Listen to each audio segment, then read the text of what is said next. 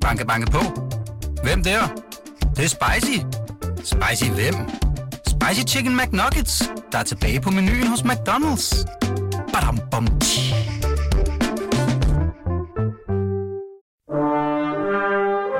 Du lytter til Radio 24 Den originale teleradio.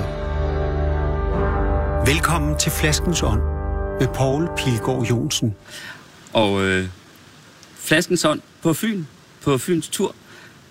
Vi er nået til øh, Haneskov Gods i nærheden af Assens.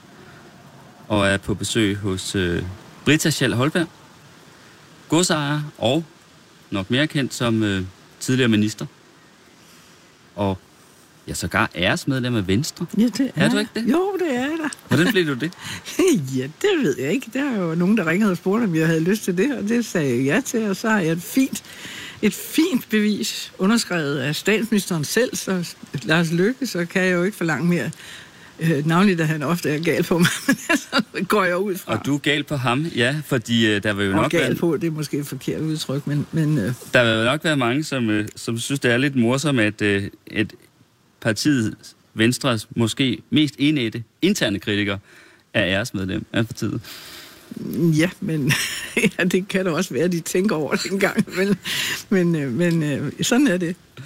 Tak fordi vi måtte komme Ja, her i, øh, på det her lille road øh, show på Fyn. Og øh, vi skal drikke noget vin, det er jo flaskens ånd. Og jeg spurgte dig, Ad, om, øh, om, om jeg skulle tage noget med, eller om du selv vil klare den del af sagen. Og det ville det du gerne. Det kan jeg jo godt. Og, og, og Så hvad her står det? den. Og når man, ja, og jeg overvejede stærkt, fordi jeg også drikker Lykkes Mose, og som hører på Fyn. Men den der er ikke fynsk. Nej, Men, men det går alligevel, tror jeg. ja, men skal jeg åbne den Ja, og det synes jeg, du for skal. os? Ja. Sådan. Hvor har du købt den hen? Øh, Hos vores lokale vinekspert. Nå, hvem er det? Ja, hvem er det? Han hedder Lund. Han hedder Lund. Og han er, jeg kender ham vældig godt fra tidligere tid, fordi han er søn af borgmesteren i, hvor Søren var det et eller andet sted oppe i Nordsjælland. Jamen, det må være Erik Lunds søn, ikke? som jeg har jeg arbejdet, borgmesteren har jeg arbejdet sammen med, da jeg var indrigsminister, Ja, så det ja. er jo lidt morsomt. Så ja, du var også indrigsminister. Sønnen har slået sig ned her, så, så det er fint. Så ham synes jeg, jeg må støtte en gang imellem. Jeg har aldrig smagt den her vin før, men jeg kan se på etiketten, at øh, den hedder Elsa Bianchi. Øh, og det er en Chardonnay, og den er fra 2017, og den kommer fra Argentina. Ja. Simpelthen. Og det med Argentina, det øh, kan jeg så fortælle dig, hvis, hvis, hvis du ikke spørger om det, at, øh, at vi elsker argentinsk vin her i huset, fordi, også fordi vi har familie i Argentina og sådan noget. Så, og vi sidder og venter på en ung familiemedlem, som kommer fra Argentina her i næste måned. Jo, 14 dage, så skål. Skål.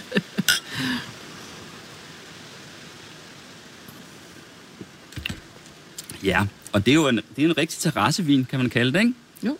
Let og, og, og frisk.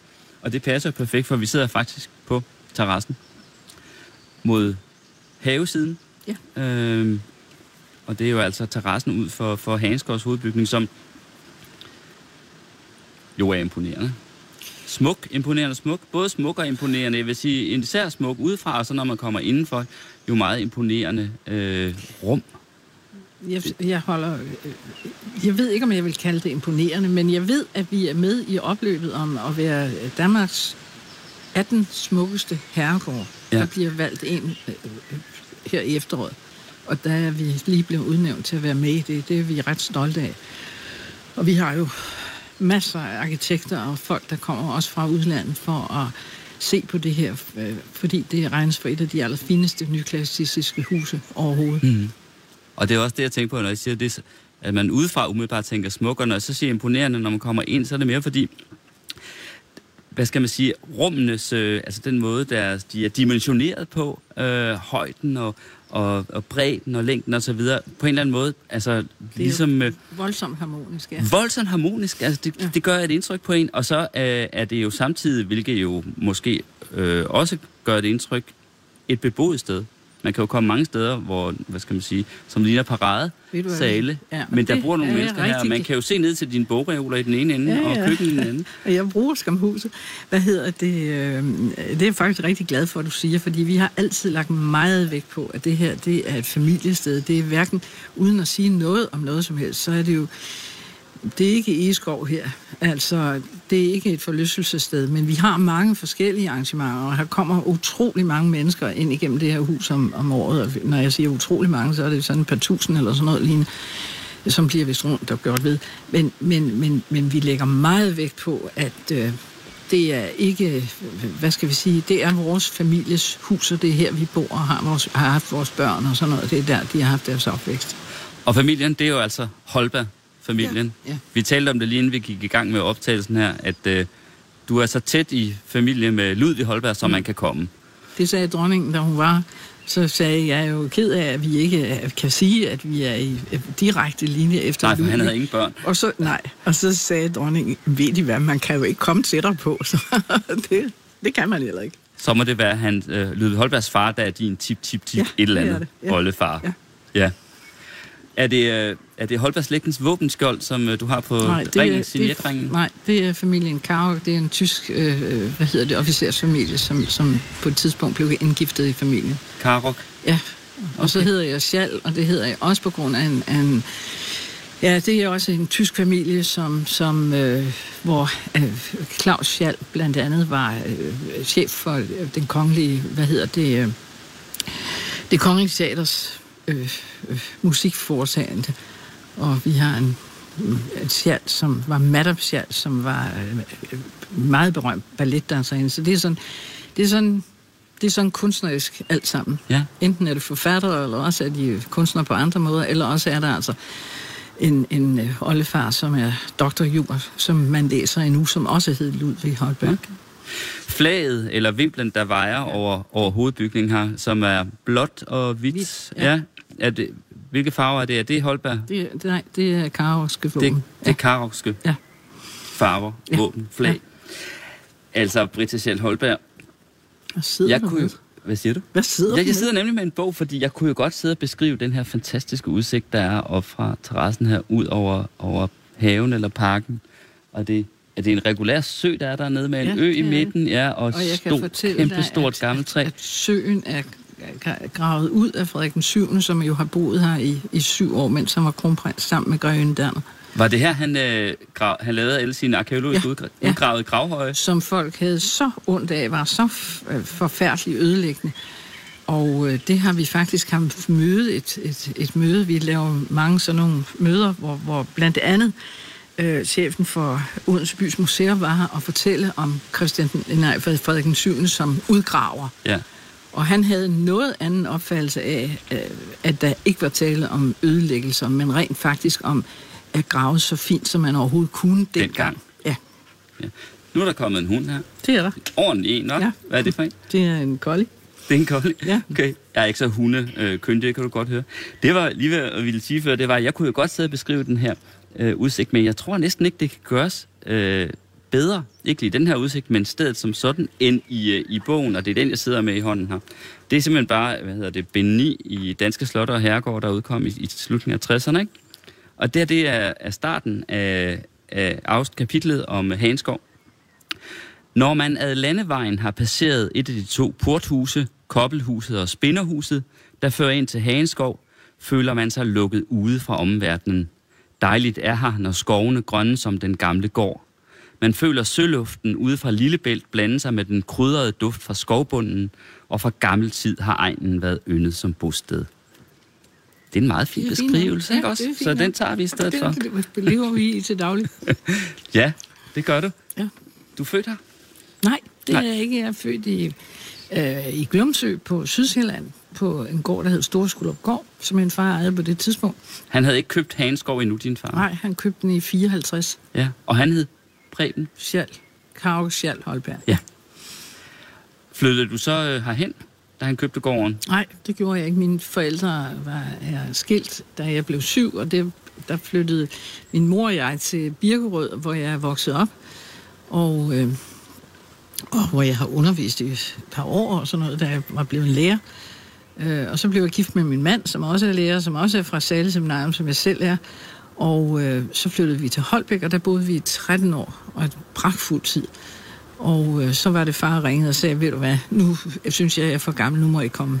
Og det gjorde vi så i, jeg overtog Hanskov i 1977. Mm. Og så har vi været her fra fra det tidspunkt. Din mor, hvad lavede hun? Hun var for det første født i Argentina, det var det, jeg fortalte dig, mm øh, sammen med sin øh, søskenflok. Og øh, hun var øh, privatsekretær for, på, for professor Bunder på statens øh, øh, hvad hedder det, planteavlslaboratorium i Lyngby. Hvilket betød, at da jeg blev landbrugsminister, var chef for min mor og hendes chef. Så det grinede vi meget af dengang. Mm. Både i, øh, boede sådan i et almindeligt hus i Birkerød? Nej, vi boede i en, først i en meget, meget lille lejlighed. Øh, lige efter øh, krigen øh, i 1947. Og øh, meget lille lejlighed, som dog havde et badeværelse. Øh, hvilket var noget helt nyt. Og øh, så havde vi en stue, der var opvarmet, og et værelse, der var opvarmet, nemlig mit. Så måtte man ikke have mere, der var opvarmet det, det skulle simpelthen være koldt. Så mor boede i et værelse, hvor der var ingen varme. Altså det var på grund af krigen? Ja, det var efter krigen, der var ja. En form der var smal, smal, på det også? Ja. Så jeg har levet et meget, uden at det overhovedet skal lyde som noget som helst beklagelse. Tværtimod, at min mor har jeg lært, det siger jeg altid, at man behøver ikke at have et slot for at lave et slot. Min mor kunne lave et slot i to og et halvt værelses lejlighed. Ja. Hun var dygtig. Men nu har du altså et slot. Nu har jeg altså et det... slot. Ja, det har jeg godt nok. Hvordan... Øh, havde du egentlig nogen kontakt med din far i de år, der der så gik? Altid. altid. Vi, altid vi, var, ja, var har altid. Det var en, en meget... Øh, for mig i hvert fald en utrolig lykkelig skilsmisse, og jeg tror, at, at min far og mor i virkeligheden blev vedholdt af hinanden hele tiden. Øh, og, og det var sådan, at, at far rent faktisk i, ja, hvad har det været, i slutningen eller 70'erne der, øh, sagde, jamen, hvorfor, hvorfor, flytter, øh, hvorfor flytter hun ikke herover? Men øh, der havde jo mor jo etableret hele sin vennekreds i Birkerød, så det, det gjorde hun ikke, men, men i virkeligheden kunne hun godt, for hun var her i, i og sommerferie og påske og pinse og alt muligt. Så ligesom jeg havde været, da jeg var barn. Okay.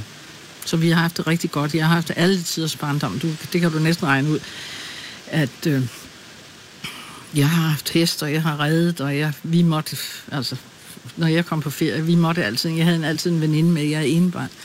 Så jeg havde en veninde med fra skolen, og ja, hun var rytter ligesom jeg, og vi red, og vi gik i vandet, og vi legede og havde det rigtig sjovt. Så det har været en fantastisk barndom. Mm. Din far, var, var, han, øh, var han landmand øh, fra begyndelsen? Det kan eller, regne med, han Eller var. lavede han også andet? Hvordan fik han råd til at købe et, et, et gods som det her? Det ved jeg heller ikke, men det talte man også meget om dengang. Men han var meget, meget dygtig, og han har en baggrund desværre, som, som er, er voldsom, fordi, øh, hvad hedder det...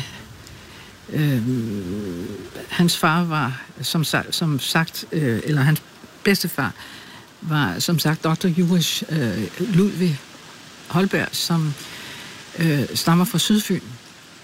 Og øh, der blev min bedstefar af min farfar, han fik øh, mod på at købe Langeskov Gods på, på, nede ved Svendborg.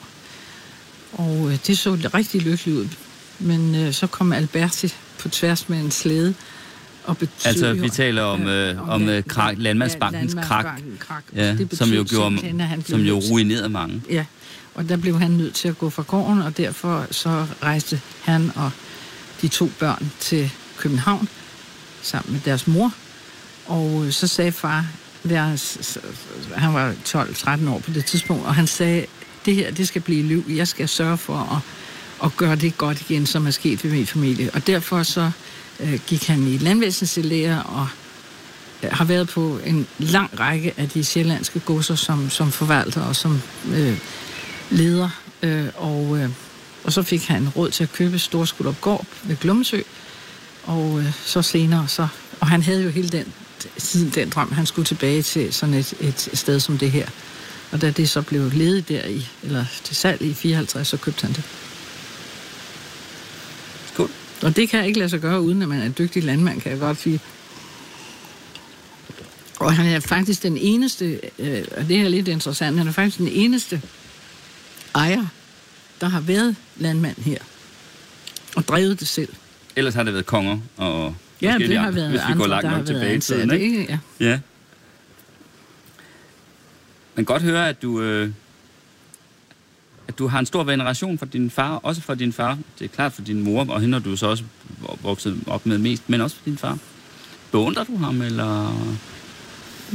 Nej, beundrer, det ved jeg ikke, men jeg har meget stor respekt for, min, øh, for mine forældre. Jeg hører med undren på øh, den moderne trend, der har været, øh, også for nogle, en række år siden, og som, så vidt jeg fornemmer, jeg er kommet tilbage, at man helst skal lægge afstand til sin familie og skal, skal øh, designes. Så nu spiser hun kagen. Undskyld, Nej, jeg tager, du har taget noget kage med til os her. Jeg sætter lige op på bordet. det tror jeg var en god idé. Hvad hedder det? Og, øh, at man skal lægge afstand til familien, ja, synes det, du, der er en trend? Det, nej, ja. det synes jeg, det, og det kan jeg simpelthen ikke forstå. Der er også nogen, der synes, at ligefrem må have det ud, så de skriver bøger om det og sådan noget. Altså, hvis jeg øh, øh, fik, fik tid, jeg har fra oktober måned i år sat tid af til at skrive mine erindringer, og det er ikke blevet til noget endnu. Og har jeg meget at gøre sådan et sted her. Og, øh, men, men så bliver det sandelig en anden sang, fordi det bliver en respekt for, for, for familien, øh, det er også dem, der kom før, øh, og en meget stor bevidsthed om, at vi træder i de spor, som de andre har, har lagt for os. Så øh, det, det synes jeg er... Vi er ikke alene, det skylder man det, men, men, men med al deres forskellighed, min far og mor var meget forskellige, øh, så har de tilført mig så meget, som jeg ikke kan, det kan slet ikke leve uden. Hvad tilførte din mor dig? En respekt for andre mennesker og en, en, en hvad hedder det, viden om, nej, hvad skal vi sige, hun, vi talte utrolig meget sammen, og hun øh, var meget optaget af, at man må, ikke, man må ikke lyve, man skal være et ordentligt menneske, man skal, man skal ikke være oplæst, altså man skal ikke vigte sig af noget og sådan noget. Øh, mor kunne omgås høj og lav, til trods for, at hun jo havde sådan en almindelig sekretærstilling, så hun havde venner i, det må man jo ikke sige i dag, men i alle kredse, hun kom alle mulige steder, folk kom hos hende, Øh, hun var et meget åbent menneske. Og en inkarneret venstremand, vil jeg sige. Er det, ja, det var lige det, jeg ville spørge nej, dig om, Britta Schall. Det var jo, hvorfor i alverden blev du ikke konservativ? Fordi øh, det, du fortalte lige om før, om at vi går i de andres fodspor osv., det var jo, er jo næsten taget ud af det konservative parti. Jamen, det, det, det, kunne, det, det kan jeg godt forstå, at spørge men det kunne jeg ikke. Øh, det kunne jeg ikke. Jeg er meget mere jeg er meget mere øh, et folkeligt menneske, kan man sige. Øh, nu fornærmer jeg muligvis de konservative, men jeg er meget mere folkeligt menneske, end, end, øh, end det ligger til, til, i hvert fald sådan, så jeg opfatter konservatisme. Og en meget mere nysgerrig og åben. Altså, jeg er meget mere oprørsk i virkeligheden. Det har jeg altid været. Jeg er en græsrod, det har jeg holdt foredrag om. ja. Ja, det er jo sådan set... Øh, det er jo den... Øh, det er jo den provokatør provokatør-status, du ligesom øh, jo, ja, den har især op, i dag, hvad skal man sige, det bliver ved med at, ja. at blive omtalt øh, for, ikke? Jo. kan man sige. Jo, og det er sådan set sjovt, for nu har det stået på i, jeg ved simpelthen ikke, hvor mange år, vel? Om det er også fordi, du siger jo nogle meget grimme ting om Lars Løkke, og du siger, at han Nå, er... jeg håber ikke, at det er alene derfor, det må jeg nu nok indrømme. Og du siger også grimme ting om, om øh, Støjberg, ikke også? Inger Støjberg? Jo, det er simpelthen, fordi det er min yndlingsservation. ja.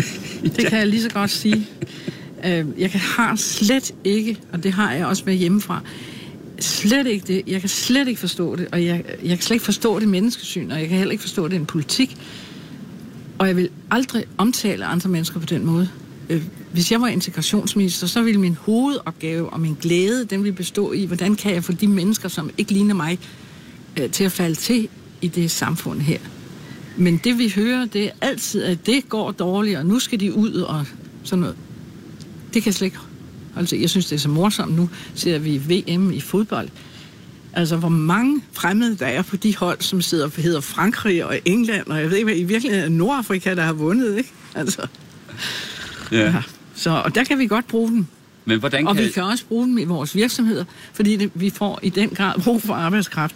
Så hvis, hvis de siger til os fra Polen og andre steder, nu vil vi beholde vores egen, så, går, så kan vi slet ikke klare det velfærdssamfund, vi lever i. Så derfor gælder alt om at få integreret øh, mennesker. Og så betyder forskellighed utrolig meget for mig, fordi et demokrati, øh, grundholdning er, at vi er forskellige. og at vi mødes med alle disse forskellige synspunkter, og så finder vi en, en midterakse, hvor vi, eller noget i den stil i hvert fald, en overensstemmelse, så siger vi, nu kører vi den vej. Jo. Og det kan ikke ske, hvis, hvis vi er ens. Hvis jeg lige skulle være djævelens advokat her øh, på... Det falder altså ikke en let på Hansgaards terrasse, for jeg er simpelthen så vidunderligt. og så idyllisk havde jeg sagt, men det er næsten for, for, for lille et ord. Men hvis jeg nu skulle være djævelens advokat ja. der og tage Inger Støjberg i forsvar, eller, så vil hun nok svare, at øh, det jo ikke er de folk, der kommer fra Polen og arbejder, der er problemet. Og det vil hun øh, nok aldrig, nej, nej, det vil hun aldrig det... nævne. Hun vil sige, at problemet er de folk, der kommer med en helt anden kultur og en anden religion. Ja tak, men sagen er, og så svarer jeg dig, sagen er, at vi er så stolte af vores kultur. Nu har jeg meget, arbejdet meget internationalt også, også med det mellemkirkelige arbejde og sådan noget. Vi er meget forskellige øh, kulturer, vi har mange forskellige baggrunde. Og nu talte jeg om Argentina før. Det er jo interessant for mig, at min familie på min mors side øh, rejste til Argentina simpelthen på et tidspunkt, hvor man regnede med, at der kunne man få et bedre liv end her. Og, øh, og vi har jo haft mange andre danskere, som er rejst ud af landet på, på, på, der i slutningen af 1800-tallet, sagde det, nu starter vi en ny tilværelse der. Og, øh, og der må man så forsøge at falde ind i, i, i den kultur, der så er der. Men det, der er interessant, jeg har rejst med i Argentina, at øh, det er jo, at der opretholder de de danske menigheder og alt muligt. De flager med det danske flag og synger af de danske salmbøger inviterer danske minister over, der rejser fanen over, at vi holder øh, sproget i hævd og kan konfirmere børnene i tredje generation og sådan noget, så må du altså undskylde, at så på et eller andet tidspunkt, så bliver det et moralsk spørgsmål. Hvorfor i alverden kan vi ikke acceptere det samme fra andre, så længe de ikke generer en. Det er noget andet, hvis, hvis der er tale om vold og tyveri og alt sådan noget. Det er noget andet, ikke? Så er man kriminel men, men, men øh, almindelige mennesker, og den måde, der tales på om fremmede mennesker, der har en anden baggrund, alle kulturer, en anden religion, i øjeblikket øh, er jo i den grad afstandtagende. Så jeg, hvis jeg var fremmed her, øh, så tror jeg ikke, jeg blev her ret længe. Hvordan kan du og Støjberg være det i det samme parti? Ja, hvordan kan vi det? Det ved jeg ikke. Det kan vi. Øh, det ved jeg ikke, hvorfor vi kan. Jeg, når jeg øh, siger noget om Venstre er til, øh, så er det jo fordi øh, Venstre, da jeg startede øh, i Venstre i 67 eller sådan, det er mange år siden, var Venstre utrolig rummelig parti. Og et meget øh, borget af en kulturel og etisk bevidsthed og sådan noget. Noget helt andet end, end, øh, end det der, vi har i dag. Men alligevel melder du dig ikke ud? Nej, det Jeg ved ikke, om man kan som æresmedlem. Men Nej, det, det, det tror jeg ikke. Jeg tror, jeg er fanget i det. men hvorfor, jeg, melder, du dig, hvorfor melder du dig egentlig ikke ud? For det er jo utallige gange, at du har udtrykt din utilfredshed med de ting, som dit parti ja, jeg regner står der for med. i dag. Jeg har da også sagt det i gruppen, mens jeg sad i Folketinget. Jeg har da også sagt det, mens jeg var minister. Men nu mest den sidste gang, jeg sad i Folketinget. I gruppen. Øh, ja, det gør jeg ikke, fordi jeg mener simpelthen, at... Øh, nej, det vil, jeg, jeg tror heller ikke, jeg ved, hvor jeg skulle, hvor jeg skulle gå hen, om jeg så må sige. Det er mit største problem. Altså, men, men, øh, men jeg synes ikke, jeg holder jo foredrag om, at man skal melde sig ind under fanerne. Og så kan det jo ikke nytte noget, at man selv melder sig ud. Så derfor, så er det sådan. Og så håber jeg da på en.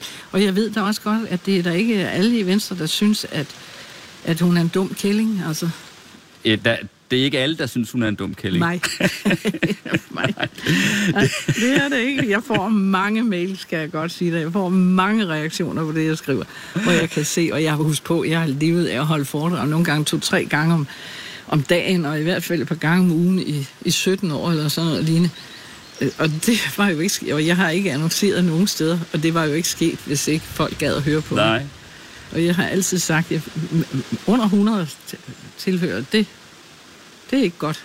Jeg læste øh, for nylig i en avis, der var, øh, det var vist et, et læserindlæg, tror jeg, et, et læserbrev. Der var en, der kaldte dig en, en belærende modertype og en hattedame med løftede overlærer pegefinger. Det har du vist læst i Fyns Amtsavis, tror jeg. Ja, Ja. det har jeg nok. Jeg må ved ikke, hvor jeg de lige faldet over den de på et tidspunkt, men jeg må have været på Fyn. Jeg tror, de måtte stryge det, det næste indlæg, der kom, for det var, det var endnu værre. Det var fra en anden. Ja, Men, men øh, hvad, overlærer pegefinger, det er, måske meget passende, fordi du er jo lærer. uddannet, ikke? Jo, og det er jo lidt skægt, fordi, fordi lige så snart man er lærer, så har, man, så, øh, har du en skilt på, at du har sådan en pegefinger. Ja, det er ligesom, når du går sig, øh, så er jeg sådan en, der sidder på guldstol og laver ingenting hele dagen og tjener penge. Ja. Det passer ikke noget ad. Nej. Bortset fra, at jeg har fået en fantastisk uddannelse på Sale Seminarium, som jeg har brugt hele livet. Ja. Skal vi skåle, Britta Schær? Jo, skal vi det? Ja, du må tage noget mere af det der, halløj. Så Jamen, bliver, jeg skal nok... Så øh, bliver herr Lund så glad.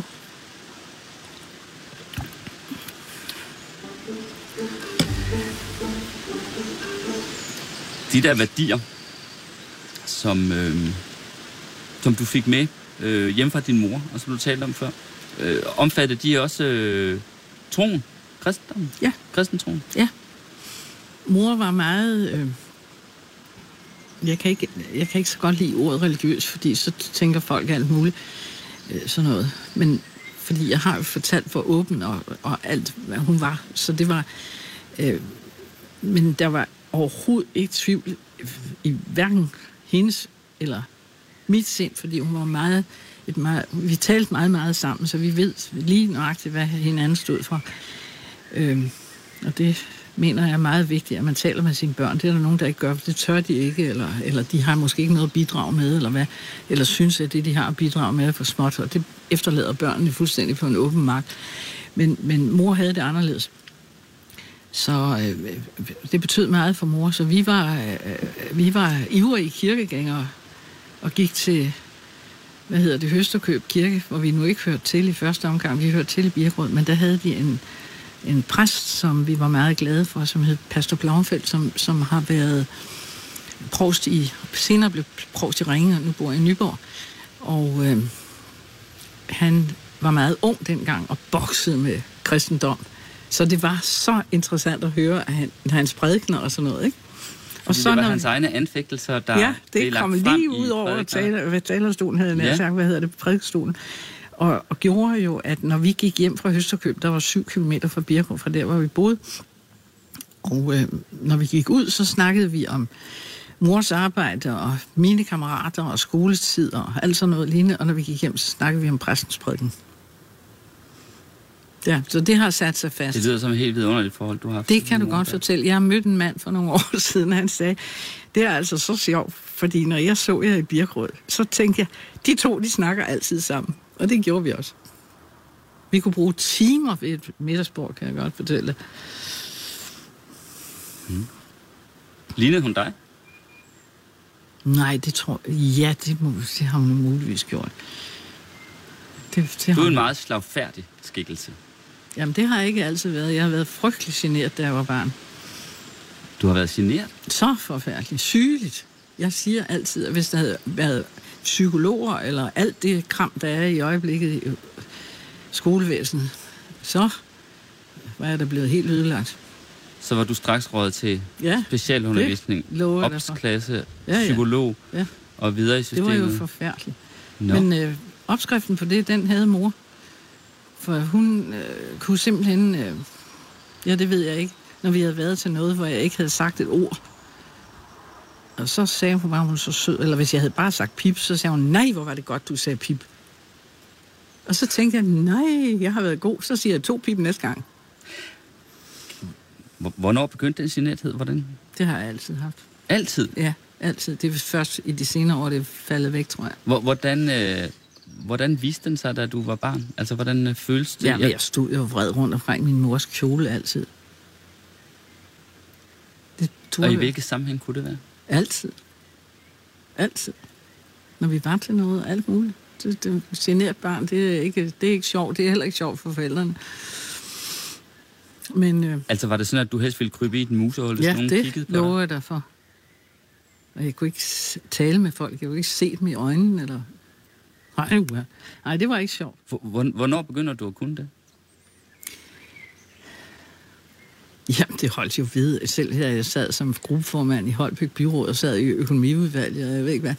Jeg vidste jo, at jeg ikke havde sagt noget de første 10 minutter, så, så sagde jeg ikke noget resten af de to næste timer jo. Men Britta Schall, det her, det er jo, øh, Men jeg har lært at snakke, og det hører med i, måske i den her samtale. Jeg har lært at diskutere, og alt hvad jeg har lært af politik, det har jeg lært af min socialdemokratiske modstander i, i Holbæk Byråd, som blev en af mine allerbedste venner, Ben Christiansen, som senere blev borgmester, desværre nu er død. Han, jeg ved ikke, hvad han kildede simpelthen ens øh, fødder, sådan som man blev nødt til at sige, nej, nu Men prøv at høre, du må da indrømme, det er da paradoxalt, at en, ja. der er så generet, du brugte selv udtrykket sylegeneret, og det lyder sådan, vælger et, øh, en, en, hvad skal man sige, en plads i samfundet, der i den grad er eksponeret, der i den grad handler om at skulle tale til folk og tale med folk, ja, som en også. politiker. Altså, det er jo... Øh... Men det hænger sammen med noget. Jeg tror, at det hænger sammen med, at når du kan høre, at, at der bliver lyttet til det, du trods alt får udstødt der, Øh, og jeg havde en historielærer, for eksempel på seminariet. Nu nævner jeg seminariet en gang til, for det var virkelig det sted, som, som jeg har lært allermest af i mit liv. Øh, der havde jeg en historielærer, som hed Ulbæk Niel Jensen. Nielsen hed han. han. Det var ikke forfatteren. Ja. Og han sagde til mig, kan jeg huske, at jeg skulle holde et foredrag for klassen om sammenligning mellem Nordens historie som dengang var historiebogen, og så øh, Kærsgaards nye Danmarks historie. Og jeg tænkte, hvor herre bevares, det lyder ikke sjovt. Og så for alle mine klassekammerater, nej, men det gik så godt. Der var meget stor forskel på de historier. Den ene, den, var, den handlede om konger og adel og alt sådan noget. Og Kærsgaards handlede om bønder og øh, altså mm. landets opbygning og sådan noget. Der var meget stor forskel. Og øh, øh, hvad hedder det? Øh, og, ja, og så får man sådan en succes, ikke? Og læreren siger, det var godt. Og så det er almindeligt menneskeligt, at hvis der er nogen, der siger til en, det du lavede der, det var fint, så blomstrer du jo. Og hvis det sker flere gange, så blomstrer du endnu mere. Og sådan er det jo gået. Men først for nylig har du sluppet den helt, den generelle, Ja, det tror jeg. Har du sluppet den helt? Ja, det tror jeg. Det tror jeg. Det tror jeg. Skal jeg skænke noget mere vin op ja. til os? Ja, mindre vi bliver beruset Jeg sidder jo med... Nej, det tror jeg Men ikke. du sidder jo der i skyggen og alt Jeg sidder i skyggen, det er også derfor vinen er over på min side, sådan at, at, den kan holde sig lidt ja, kølig her, trods alt. Det er godt nok varmt nu.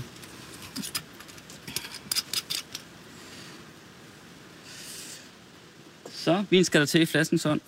Og i dag, der er jeg, verden, på mm. Pilgaard, altså på besøg på Haneskov Gods ved Assens hos Britta Schalle Holberg. Fik vi sagt lærer og, og godsejer før, og tidligere minister, men du er jo også hofjægermester. Det er jeg. Hofjægermester. Er det længe siden, du er blevet det? Ja, det er det. Det er over 10 år siden, tror jeg. Øhm, ja, og det var en... Betyder det noget for dig? Ja, det gør det, fordi... Øhm, Øh, det gør det, fordi det altid er en, hvad skal vi sige, jeg lider ikke sådan en kongerøgelse, øh, opfattelse eller sådan noget, men, men, men det er alligevel en kado at få, at man får sådan et, jeg er kommandør, det var jeg jo før. Øh, af den Ja. ja. Men, men, øh, men øh, at blive udnævnt til hofjermester, det er noget andet, og det er, det er sådan mere personligt, synes jeg. Så det betyder selvfølgelig noget, at dronningen om jeg så må sige, bukker for en. det gør hun jo ikke, men altså, det er mig, der skal nej, ikke? Så din far ville have været stolt af dig? Det kan du regne med, fordi han drømte hele livet om at blive... Han blev ridder af Danbro, men han, han, øh, han drømte hele livet om at blive hofjermester. Det blev han det ikke? Det lykkedes ikke, nej. Nej. Nu har du fortalt om, hvad du fik øh, med fra din mor. Hvad, hvad, hvad lærte du af din far? Der har jeg nok lært alt det her, øh, at være glad for familien og, og, og respekten for, for stedet og sådan noget. Det sagde ikke mor øh, noget, altså. Om, hun brød sig ikke om, at jeg var minister. Det synes hun, at, at det, altså... Hun brød sig ikke om, at du var minister? Nej, det brød Nå. hun sig ikke om. Hun ville helst have haft, at jeg havde sagt nej. Hun synes, der var mange andre ting i tilværelsen, man kunne glæde sig over, i stedet for at, at titler spillede ingen rolle for hende. Nej. Og derfor... Var det i virkeligheden hende, der ville have, at du skulle være lærer? Nej, det var mig selv. Okay. Min far var rasende. Han havde folkeskolelærer. Han synes, det var noget af frygteligste. Og da jeg så kom anstigende med en folkeskolelærer og ville giftes med, så sagde jeg, nej, nu, nu har vi nået bunden. men men øh, de lærte nu hinanden vældig godt at kende. Kom de til at kunne lide hinanden? Ja, det gjorde de altså. Hvad er nu din mand hedder? Er det Jørgen? Han hedder Jørgen. Han, Ja, ja, synes jeg. Jeg har læst mig til. Ja. Så han synes ikke, du skulle have været lærer? Nej. Nej. Hvad synes, hvad, hvad, hvad synes Han han så, ville du jo gerne have have... Jamen, han ville jo gerne... Det er jo, det var jo ikke noget at sige til, vel? Man ejer sådan et sted her, og så vil man gerne overdrage det. Og dengang var det jo ikke almindeligt. Det var jo en helt anden tid. Det var jo ikke almindeligt, at piger øh, stillede sig i spidsen for en erhvervsvirksomhed, eller, eller en sige, et landbrug øh, Mm. af den her størrelse. Det, øh, det var meget usædvanligt. Og derfor Øh, ville han jo, øh, regnede han jo med, at hvis, så kunne hun da i hvert fald kompensere for det ved at være uddannelse til landmand, ikke? Det er jo da ikke noget at sige til. Det kan man sagtens forstå. Og, øh, og så spørger du, hvad jeg har med fra min far. Jeg har et dramatisk temperament. det har jeg fra ham. Ja, det havde min mor ikke. Hun kunne godt blive vred, men, men, men det var ikke i de arter. Hvordan viste din fars temperament sig? Det kan jeg godt sige dig. Det synes jeg er så sjovt. Hvis folk blev bange for ham, hvad de ofte blev, så blev han så gal på den. For det synes han simpelthen var uværdigt, at de, så, de skulle, altså, så man skulle have respekt bevares vel. Øh, og han var ikke dus med folk og sådan noget, medmindre han kendte dem rigtig, rigtig godt.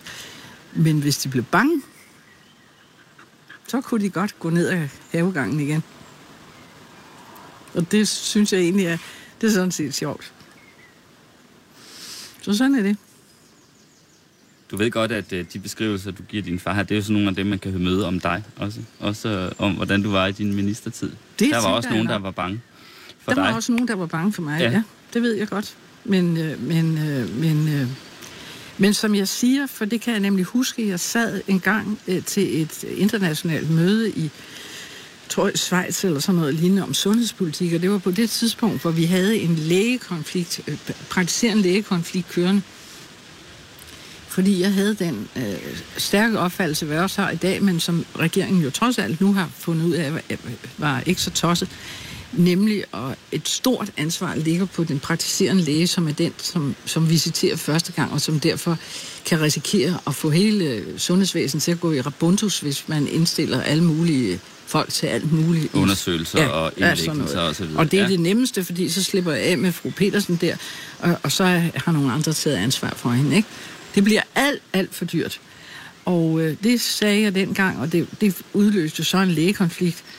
Øhm, og øh, da vi så sad nede, øh, Ole Asmussen, min fremragende departementchef, og jeg nede i Schweiz, så kommer der et telegram ind, hvor der står, at, hvad hedder det, et eller andet om det der, om hvor er den eneste minister, du, du ved, der havde hår på brystet, eller øh, ben på jorden, eller bukser på, eller jeg ved ikke, hvad det hedder. Det var mig. Og så kiggede vi på hinanden, og så sagde jeg til Ole, det er der bedre at være skældt ud for det, end at være en karklud. Og det mener jeg stadigvæk. Når man er minister, eller man er leder af noget, så må man stå for noget, og man må synge det ud, og man må øh, tage de ører til, hvad det giver. Og det gælder navnlig, når man er minister. Det må egentlig på mange måder også have været sjovt at være minister i den der Slytter-regering. Det Fordi, var rigtig skægt. Fordi det var, altså, øh, øh, det gik jo rigtig dårligt, da Slytter kom til øh, med landets økonomi og så videre. Men så gik det jo, så gik det jo hurtigt fremad. Og, øh, og, øh, Men det var Hennings der var- skyld. Henning Christoffersen. Ja. Han har boet her, ikke? Hvil, hvilket, jo, hvilket ikke skal forklare Slytters evne til at være statsminister, for han var en fremragende statsminister. Og det, han var fremragende med, det var, at han overlod ministerierne og ansvaret. Det er meget, meget vigtigt for mig, at det enkelte menneske får det ansvar. Og han sagde, når du eller en af de andre var blevet minister, så var det vores ansvar at leve op til de forventninger, han måtte have om sit ministerhold. Mm. Og det vil sige, at han blandede sig jo ikke i noget. Øh, Men, men det, jeg mente med det, var også, at øh, den her borgerlige regering kommer jo til at sidde så længe. Alle har troet, at Slytter, han kommer Åh, højst til at sidde nogle måneder det eller kunne- halvt år. Pludselig så blev det altså Ja, ja. 10 år i stedet Ja. for. Så det var jo for, for, i, for første gang i lang tid en virkelig et, øh, opgangstid for det borgerlige Danmark. Ikke? Og det var du med til. Ja. Men så nævner du Henning ved du hvad, jeg skrev en, en, en pjæse, der hed, kan I mærke, at vi er på vej mod et varmere samfund? Tror du, den kunne udgives i dag? Det tror jeg altså ikke. Nå, men den kom ud. En Øh. pjæse internt i Venstre. Nej, nej, den blev sendt ud over det hele, men den, den var lavet af Venstre, og lavet af mig. Okay. Og så har jeg lavet jeg en anden en, som jeg er meget, meget stolt af, som jeg kom i tanke om i går. Og den hed, at det offentlige skal tage sig så, øh, hvad hedder det, så dygtigt af så lidt, af så forsvarligt som muligt. Altså lidt. Nej, Så- hvad fucker. Så forsvarligt som muligt er så let som muligt, måske. Ja, det kunne da lyde Nej, borgerlig hed noget andet. Den hed noget andet. Nå. Men, men mening, nu kommer sveden.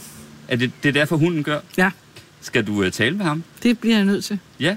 For det er en af mine lejere, der klager over, at der ingen vand var. Nu skal jeg lige have fundet ud af, hvad han har gjort ved det.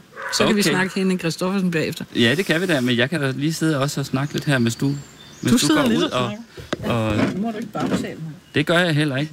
Først så tager jeg lige et, øh,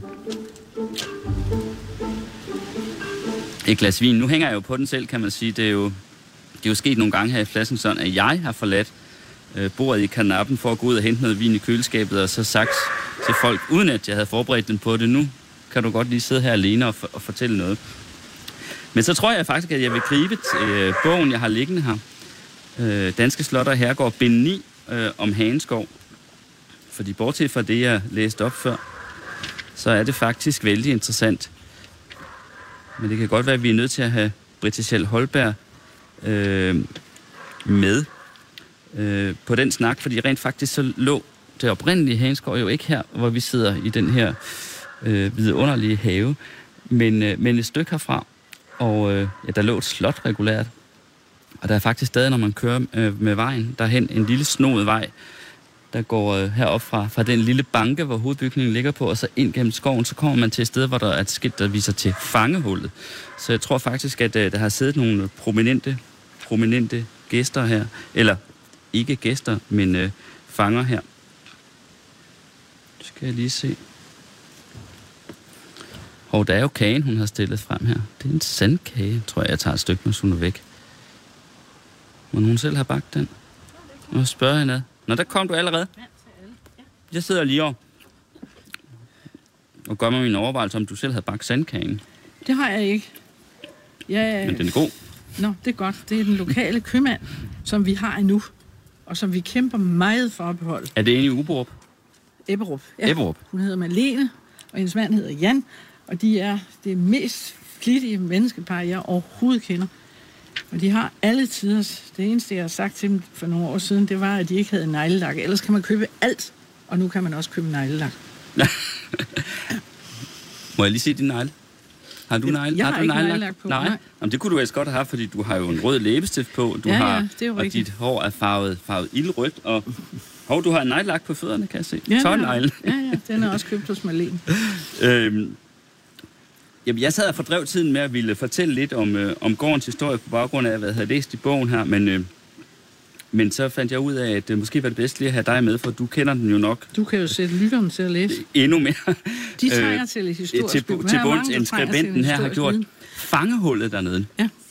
Det må have været det gamle slot, der har ligget her, som ikke har ligget lige Altså, her, men lidt... Hans, Hansgaards historie går tilbage til omkring 1000-tallet eller sådan noget lignende. Og der lå det gamle slot hernede, eller det gamle borg hernede, og var regnes for uantageligt, fordi det, man siger et eller andet sted, jeg kan ikke huske, om det er den der Mars sted, at der er vådområder og moser og, og, og, og skove øh, rundt omkring.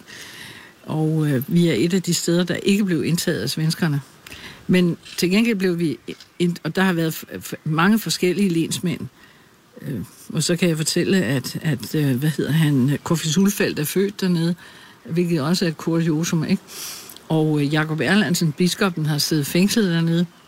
Og der Har han siddet i det fangehul, som Ja. der i dag er skilt hen til? Ja. ja. Og han, øh, hvad hedder det, øh, der har jo gået øh, konger, den Margrethe den første, og ja, de har været der alle sammen. Og vi har, det fører alt for langt, men vi har en masse historier om dem alle sammen. Det sidste kongelige, der var her, det er jo altså Frederik den 7., som boede her i syv år, sammen med Grevinde Derner, senere øh, øh, Grevinde Derner, som dengang hed Louise, ikke? Og øhm, øh, hvad hedder det, så vi, vi vader over de historier her. Og så brænder det der slottet dernede under Joachim von Davis, en tysk officer. Øh, det er jo også interessant at se, at nogle af alle de her forfærdelige udlændinge, de har jo faktisk befolket den danske regering og den danske statsstyre i en grad, som vi fuldstændig har glemt eller negligeret, eller hvad. Men det er noget andet. Han det var hedder, tyskere især, ikke? Det var jo tyskere især, de var ja. dygtige. Øh, og øh, så opførte, det var under han, og så opførte han den røde bindingsværksbygning herhen, og så drømte han om, at han skulle bygge øh, et større øh, øh, hus. Øh, og det blev så først i 1771, og det blev storkøbmand Ryberg, der byggede det. Så, som også har en utrolig spændende historie, som danskerne kender alt for lidt til, men det er sådan noget Og så blev det her øh, ekstremt velproportioneret. Ja, og så øh, Og æstetisk meget tilfredsstillende hus. Ja, det, er meget, det er et meget fint hus. Det er godt. Så det er fint. Men det med Henning Kristoffersen, som vi kom fra faktisk, ja. øh, det var ikke i forbindelse med fangehullet, men, men han har også siddet her øh, af den gode grund, ja, at han, han boede her. Ikke? Han har ja, altså han, han flyttede simpelthen ind i, øh, ikke i hovedbygningen, men... Ja. ja, sammen med sin frue, øh, og har boet her i 13 år, tror jeg. Men var, det var jo din gamle partichef, ikke? Jo, altså. det var det. Og jeg har jo også været, han var formand været for partiet. opstillet som næstformand i Venstre, og der var han formand, så ja. vi havde et samarbejde i forbindelse med det. Og så var det ham, der ringede og spurgte, om jeg ville være indrigsminister. Mm. I 82. Hvorfor så, valgte han at flytte herud? Han havde sommerhus i området, og han, øh, hans øh, kone, øh, øh, de ville gerne have et, et, et etplanshus, og det er det dernede, og så ville de gerne have et sted, hvor han kunne have alle sine antikviteter. Han var jo antikvitetsmand om en hals. Og øh, ja, det var nok det, tror jeg. Vi blev de bedste venner af verden. I omkigges meget? Ja, det var altså ret meget. Morsomt, at så har der jo været sådan en slags øh, forhåndværende venstre partitop, der, der har der, der, der, der siddet ja. der med få meters mellemrum. Ja, det er rigtigt. Og jeg kunne jo så øh, fortælle, hvordan det var på borgen, mens jeg sad her i sidste periode. Fordi der var han jo meget rejsende, rejste jo rundt i Europa altid. Og, øh, men jeg har jo også kendt ham, da han blev mere eller mindre, kan man sige, til trods for Slytters dygtighed, så faldt øh, den regering, som du roste så meget før, den faldt mere eller mindre sammen, da han blev udnævnt til kommissær, fordi det var Henning, der i meget høj grad øh, støbte kuglerne til. Mm.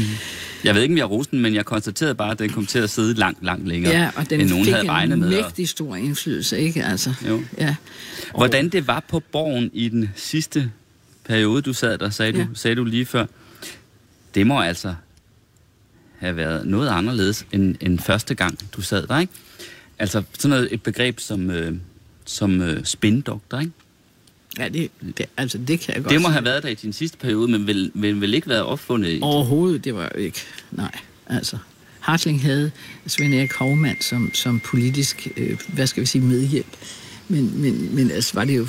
Det, altså, jeg ved ikke, mine departementchefer...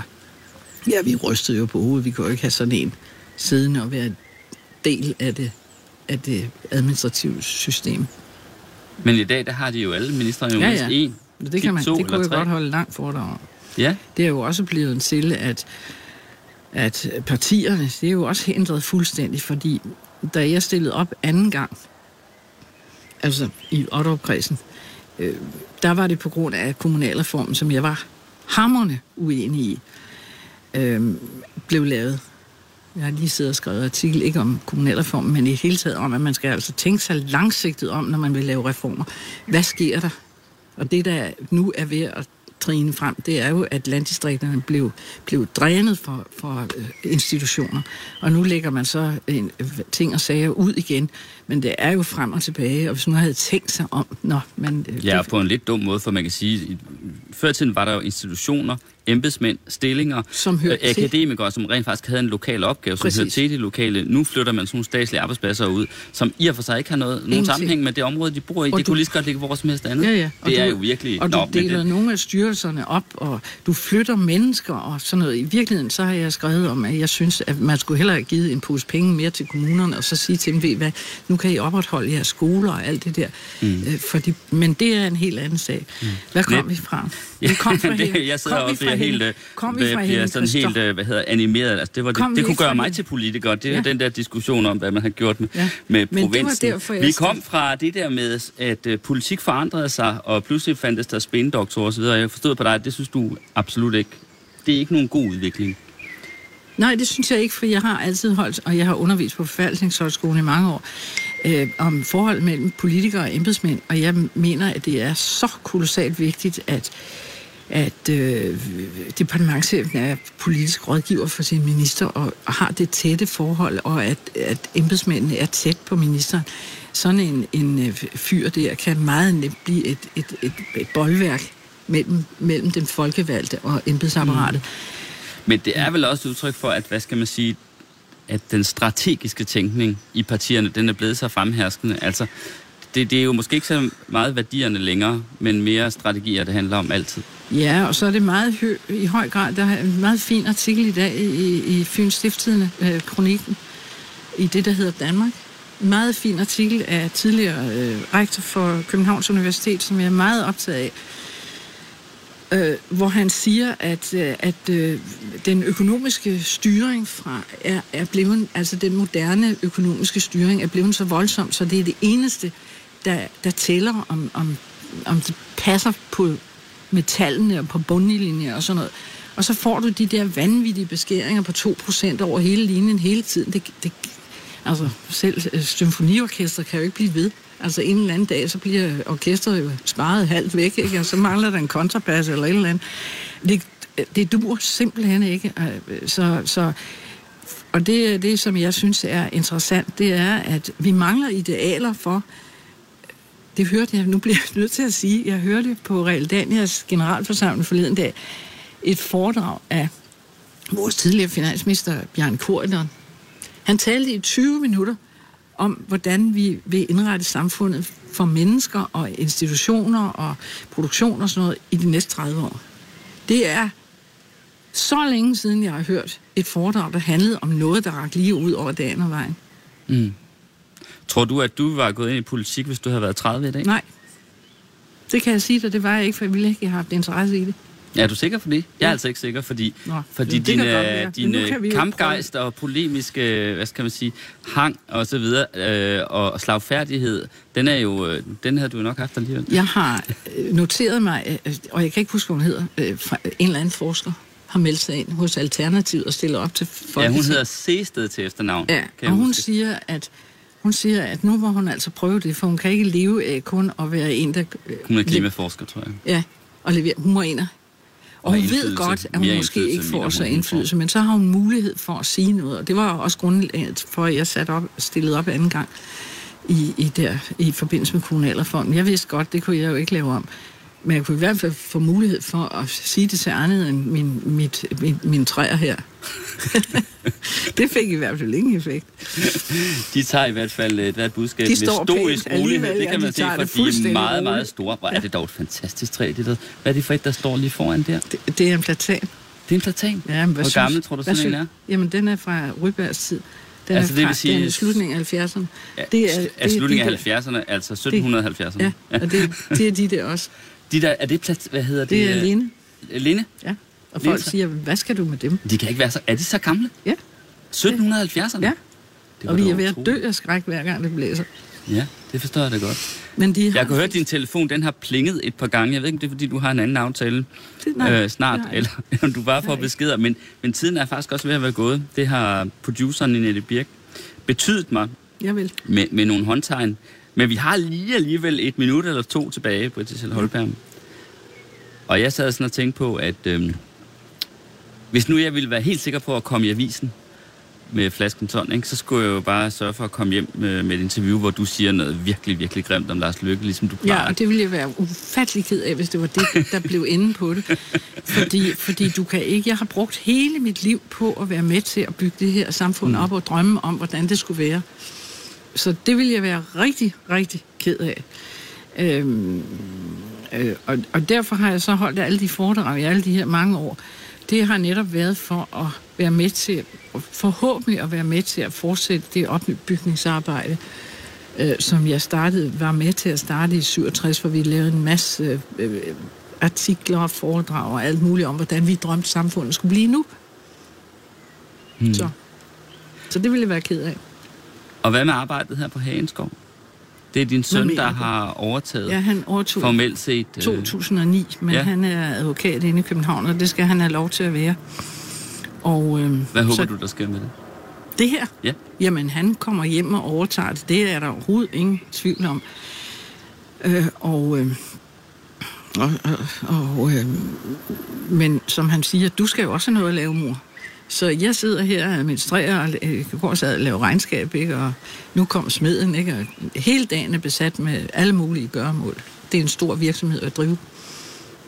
Tak fordi det blev en time til Poul Pilgaard her i Flaskens Hånd. Ja, tak. Vi skål. skåle? det er godt. Du lytter til Radio 24 /7.